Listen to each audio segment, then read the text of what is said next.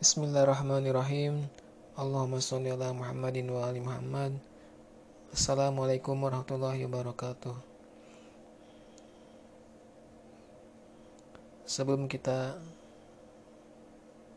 uh, menyimak materi yang akan disampaikan oleh kelompok 2 yakni dari Saripun Naja serta Fahru Razak saya ingin sedikit memberikan uh, pengantar yang saya ambil uh, dari uh, buku penghimpun kebahagiaan atau dalam bahasa Arabnya Jami As-Sa'adah yang merupakan karya dari Muhammad Mahdi An-Naroki.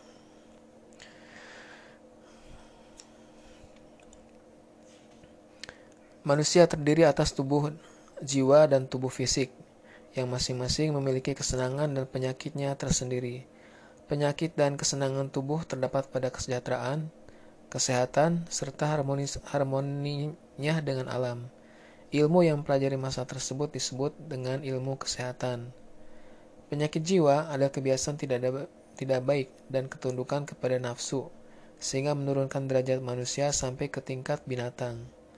Kesenangan jiwa adalah kebijakan moral dan etika yang mengangkat derajat manusia dan mendekatkannya pada kesempurnaan dan kearifan yang membawanya dekat di sisi Tuhan. Ilmu yang mempelajari masa ini disebut dengan ilmu etika atau ilmu akhlak. Sebelum membahas topik utama, kita harus membuktikan bahwa jiwa manusia bersifat non-jasmani yang memiliki eksistensi yang bebas dan non-material. Untuk membuktikannya, sejumlah argumentasi akan kami sampaikan. Pertama, salah satu karakteristik tubuh adalah bahwa kapan saja bentuk baru terjadi pada manusia, manusia akan melepas dan meninggalkan bentuk dan model yang ada sebelumnya. Namun dalam jiwa manusia dan bentuk baru, apakah secara alami maupun intelektual sadar ataukah tidak, terus-menerus masuk tanpa menghapus bentuk yang telah ada sebelumnya. Kenyataannya, apabila bentuk yang apabila bentuk yang lebih berpengaruh dan lebih intelektual memasuki pikiran, maka jiwa akan semakin kuat. Kemudian argumentasi kedua. Ketika tiga unsur warna, bau, dan rasa muncul dalam satu objek, maka berarti objek itu telah ditransformasikan. Jiwa manusia memahami semua kondisi tersebut tanpa sedikit pun terpengaruh secara materi oleh ketiga unsur tersebut. Ketiga, kesenangan yang diperoleh manusia dari kesadaran intelektual hanya bisa dimiliki oleh jiwa sejak tubuh manusia meninggalkan peran terhadapnya. 4. Bentuk dan konsep abstrak yang dirasakan oleh pikiran yang dirasakan oleh pikiran tidak dirasakan lagi merupakan bentuk non material dan bentuk yang tidak bisa dibagi. Berdasarkan itu, maka sebagai kendaraannya jiwa seharusnya juga tidak dapat dibagi dan karena itu ia bersifat non material. Kelima, kecakapan fisik manusia menerima masukan melalui sarana indera, sedangkan jiwa manusia memahami hal-hal yang khusus tanpa bantuan sarana indera. Di antara hal-hal yang dipahami oleh jiwa manusia tanpa mengandalkan sarana indera ada hukum kontradiktif atau sebagaimana kita tahu dalam logika ya. Kemudian gagasan bahwa keseluruhan selalu lebih besar daripada bagian-bagiannya dan prinsip-prinsip universal lainnya.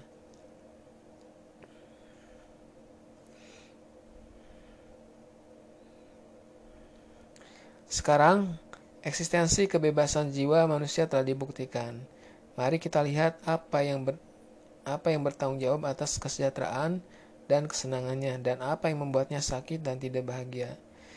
Kesehatan kesempurnaan jiwa terletak pada sifat sesungguhnya dari suatu, dan pemahaman atas hal itu bisa membebaskan jiwa dari penjara sesak dari nafsu, ketamakan, serta belenggu lainnya yang menghambat perkembangan dan kemajuannya ke arah kesempurnaan manusia yang terletak di sisi Tuhan.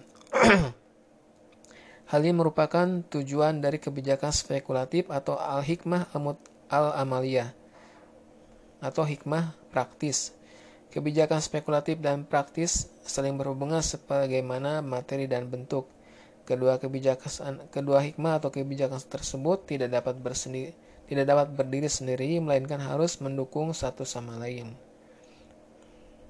Sebagai masa prinsip, istilah filosofi mengacu kepada kebijakan spekulatif atau hikmah teoritis, sedangkan etika atau akhlak mengacu pada kebijakan praktis.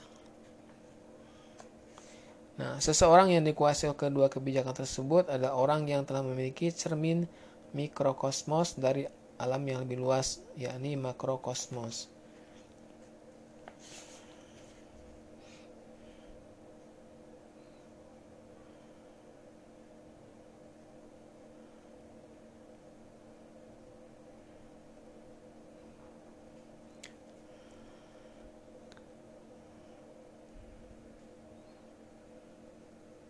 Nah, kita lihat apa makna akhlak dalam pandangan dari Anaroki ini.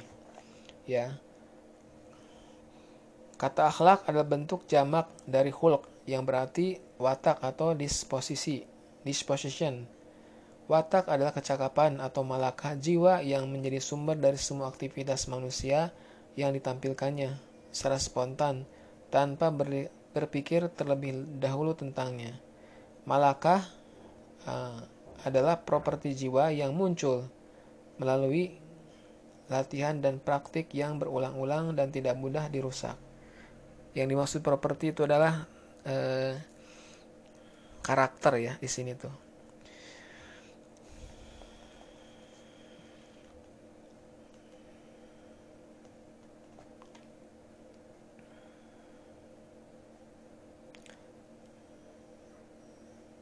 Kemudian, suatu watak tertentu atau malakah mungkin muncul dan dari, dari diri manusia karena salah satu alasan berikut ini. Pertama,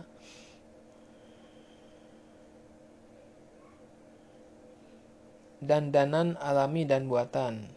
Ya.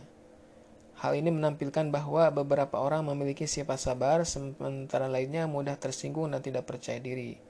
Beberapa orang mudah terganggu dan sedih, sedangkan yang lainnya menunjukkan perlawanan dan kegembiraan yang lebih besar. Kedua, kebiasaan. Ini terbentuk karena kegiatan dan tindakan khusus yang dilakukan secara berulang-ulang dan berkelanjutan guna membentuk watak tertentu. Ketiga, latihan dan usaha yang dilakukan secara sadar yang jika dilakukan secara berkelanjutan dalam jangka waktu yang cukup lama akan memungkinkan membentuk watak tertentu.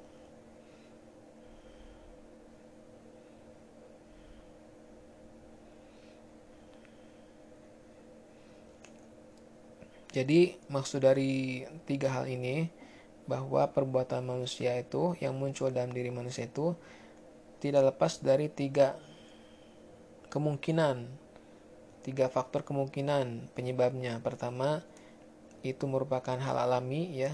Jadi seorang yang mudah seorang memang sifatnya sabar maka uh, dia akan mudah uh, melakukan atau berbuat sabar. Tetapi bagi mereka yang pemberang ataupun pe, pemarah maka uh, ini wataknya uh, dia akan seperti itu juga. Kemudian uh, yang keduanya alasan karena kebiasaan ini sesuatu perbuatan yang dilakukan karena latihan terus-menerus. Kemudian eh,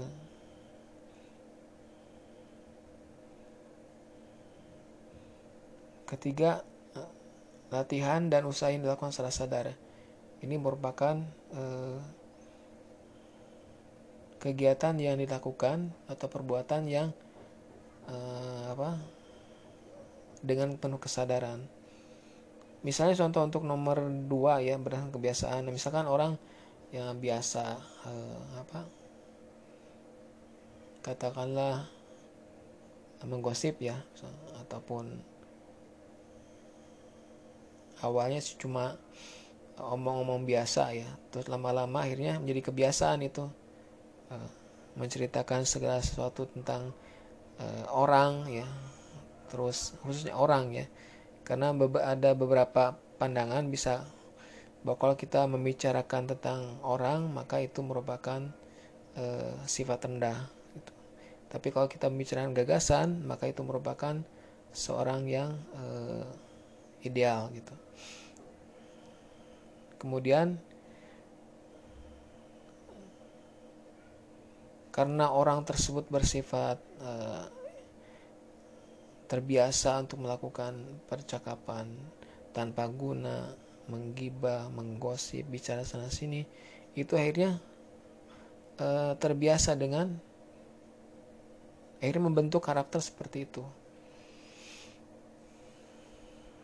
Sedangkan yang ketiga misalnya latihan dan usaha yang dilakukan secara sadar. Nah, misalnya orang sudah tahu nih wah bahwa dia bakatnya bahwa dia punya karakter untuk uh, ngomong yang seperti itu. Maka dan itu tidak baik dalam pandangannya misalnya setelah dia uh, merefleksikan ataupun dia mengevaluasi bahwa itu merupakan perbuatan yang tidak baik maka dia uh, berusaha keras untuk mengurangi pembicaraan mengurangi omongan yang tidak perlu.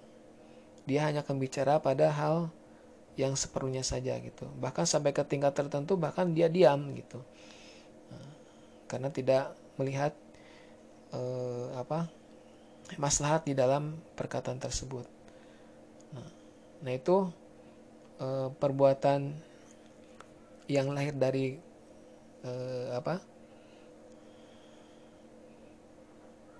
dari kebiasaan eh, dan latihan yang terus menerus tuh akan menimbulkan e, karakter yang berbeda dari nomor satu dan nomor dua gitu. Ya mungkin e, itu sebagai pengantar atau sebagai e, nanti akan tambahan dari apa yang sudah disampaikan oleh pemakalah e, untuk sedikit memperjelas dari apa yang disampaikan oleh kelompok pertama. Demikian. Assalamualaikum warahmatullahi wabarakatuh